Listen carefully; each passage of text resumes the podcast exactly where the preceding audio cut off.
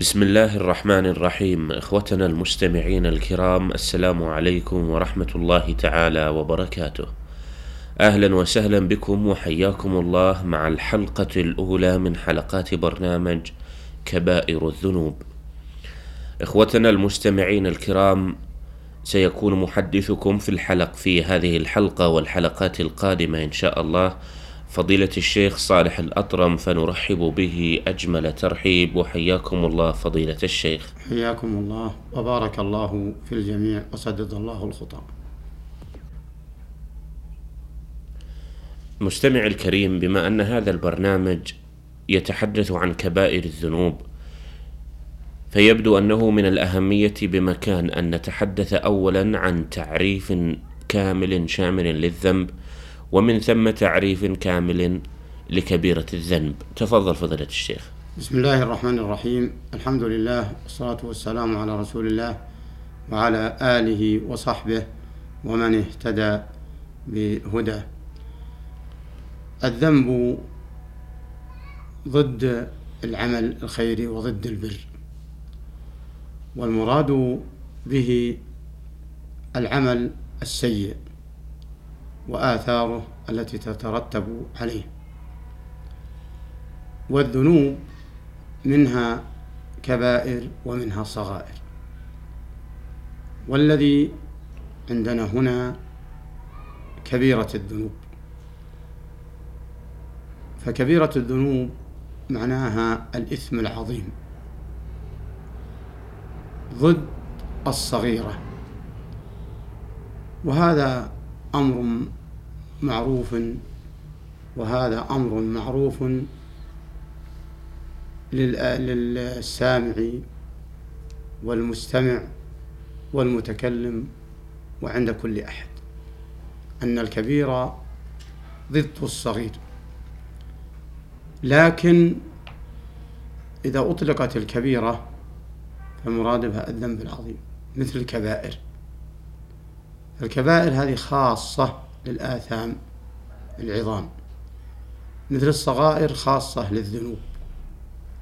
ولهذا في اللغة العربية لا تطلق كبائر على غير الذنوب.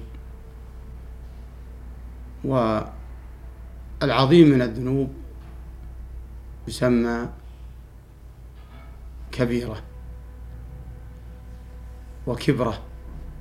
كما جاء في القرآن والذي تولى كبره منهم له عذاب عظيم. وجاء في القرآن والسنة وعلى لسان الصحابة والعلماء إطلاق الكبائر على الآثام العظام. والدين أيها الإخوة متكون من أوامر ومنهيات. فلا بد من فعل الأوامر وترك المنهيات. ومن ثم يكون الإنسان دينا ومسلما. فلو فعل الأوامر فقط ولم يترك المنهيات لم يأتي بالدين المطلوب. ولو ترك الأوامر لم يأتي بالدين المطلوب. أيضا فلا بد من الأمرين. فالشريعة أمر ونهي. والإسلام والاستسلام لهما. ففي المنهيات ترك. وفي الأوامر فعل. ولهذا يقول ابن القيم رحمه الله في النونية والأمر والنهي الذي هو دينه وجزاؤه يوم المعاد الثاني. نعم. ما دام أخي المستمع تعرفنا الآن على الذنب وتعرفنا أيضا على كبيرة الذنب. فنود من فضيلة الشيخ أن يحدثنا عن أهمية الحديث عن هذا الموضوع وبصفة أن هذه هي الحلقة الأولى من البرنامج وستلي حلقات أخرى تبين وتشرح في كبائر الذنوب. نود من فضيلة الشيخ أن يتطرق لأهمية الحديث عن كبائر الذنوب. أهمية الحديث عن كبائر الذنوب أهمية عظمى لأنها شطر من الدين أي تركها. ترك كبائر الذنوب شطر الدين وشطر الإسلام كما سمعنا في تعريف الكبيرة أن الدين أمر ونهي. ولهذا لها أهمية عظمى. لأن القرآن والسنة والسلف الصالح من الصحابة إلى وقتنا هذا. والتحذير من الكبيرة مستمر على ألسنة العلماء. من خلال ما جاء في الكتاب وجاء في السنة. وألف فيها سلفنا الصالح الكتب العظام. وأفردوا لها كتبا كما فعل الذهبي وكما صنع ابن حجر الهيثمي وإمام الدعوة محمد بن عبد الوهاب. بمعنى جمعوها ونبهوا على معظمها. فمنهم من اقتصر على بعضها ومنهم من اقتصر على كبائر الجوارح ومنهم من تناول كبائر القلب وكبائر الجوارح. وإذا لا غرابة إذا اهتم بها المسلمون إلى يوم القيامة. فمن أهميتها أن الله جل وعلا رتب على اجتنابها دخول الجنة وتكفير السيئات. قال تعالى إن تجتنبوا كبائر ما تنهون عنه نكفر عنكم سيئاتكم وندخلكم مدخلا كريما. فإذا كان الأمر كذلك فلماذا لا يهتم بها المسلم؟ من أجل أن تكفر سيئاته ومن أجل أن يدخل الجنة. وجعلها الله وجعل اجتنابها من صفات الذين أحسنوا. قال تعالى ولله ما في السماوات وما في الأرض ليجزي الذين أساءوا بما عملوا ويجزي الذين أحسنوا بالحسنى. الذين يجتنبون كبائر الإثم وفواحش إلا اللمم. وقال تعالى فما أوتيتم من شيء فمتاع الحياة الدنيا وما عند الله خير وأبقى. للذين آمنوا وعلى ربهم يتوكلون الذين يجتنبون كبائر الإثم والفواحش وإذا ما غضبوا هم يغفرون. فإذا كان اجتناب الكبائر واجتناب الإثم العظيم آه، يحصل آه، فيه ما يحصل للمسلم مما سمعنا في هذه الآيات. فكذلك جاء في الحديث الشريف رمضان إلى رمضان والجمعة إلى الجمعة كفارة لما بينهما ما اجتنبت الكبائر. فعلى مسلم أن يهتم بمعرفتها ليجتنبها حتى يحصل له هذا الوعد من الله ومن رسوله. وفي التحذير منها نصح للمسلمين. وهذا هو الدين كما قال عليه الصلاة والسلام الدين النصيحة. الدين النصيحة الدين النصيحة. قلنا لمن؟ يا رسول الله قال لله ولكتابه ولرسوله ولأئمة المسلمين وعامتهم. فالتحذير من الكبائر يتضمن النصح للمسلمين. وقد بايع جرير الرسول عليه الصلاة والسلام ثم قال له الرسول لا أبايعك حتى لا لا أبايعك حتى تنصح لكل مسلم. أو قال أبايعك على أن تنصح لكل مسلم.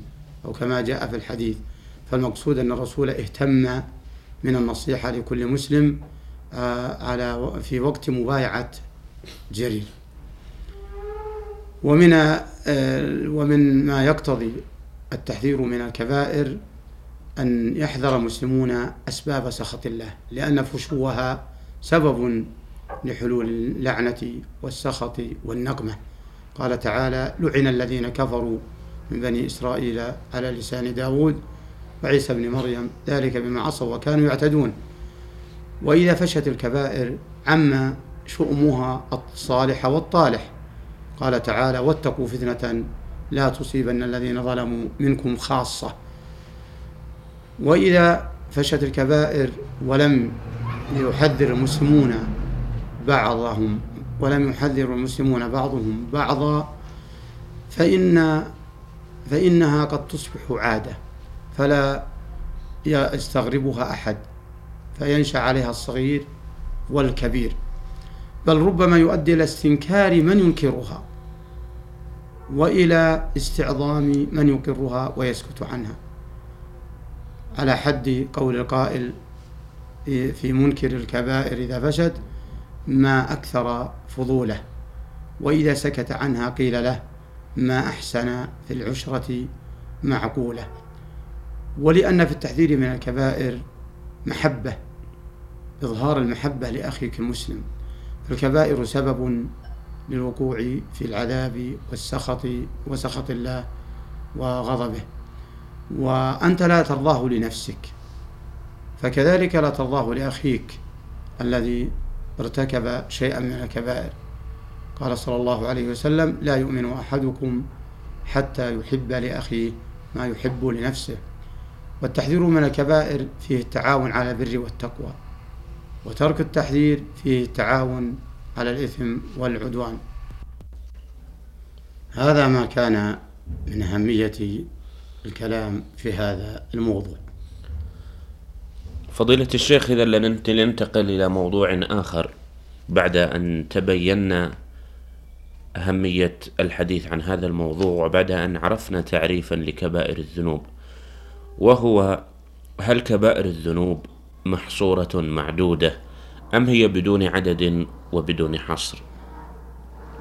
كبائر الذنوب لم يرد لها حصر في الكتاب والسنة وإنما التمس العلماء جمعها من الكتاب والسنة فمنهم من أشار إلى أنها سبع لحديث اجتنبوا السبع الموبقات.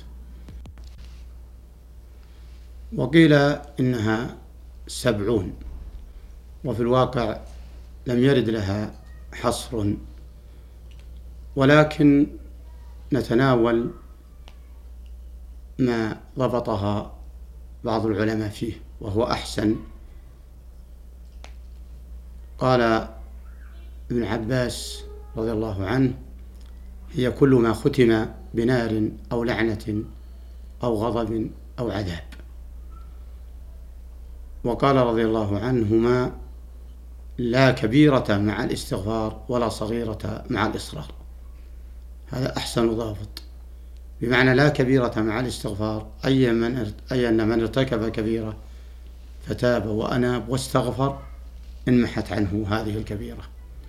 ولا صغيرة مع الإصرار أي أنه إذا أصر على الصغيرة أصبحت كبيرة لأن النار من مستصغر الشرر. والذهبي رحمه الله ذكر سبعين كبيرة لا على سبيل الحصر وإنما على سبيل ما ورد فيه حد في الدنيا أو وعيد في الآخرة أو ختم بلعنة أو غضب أو نفي إيمان. هذه التي أشار إليها الذهبي رحمه الله في كبائره. نعم.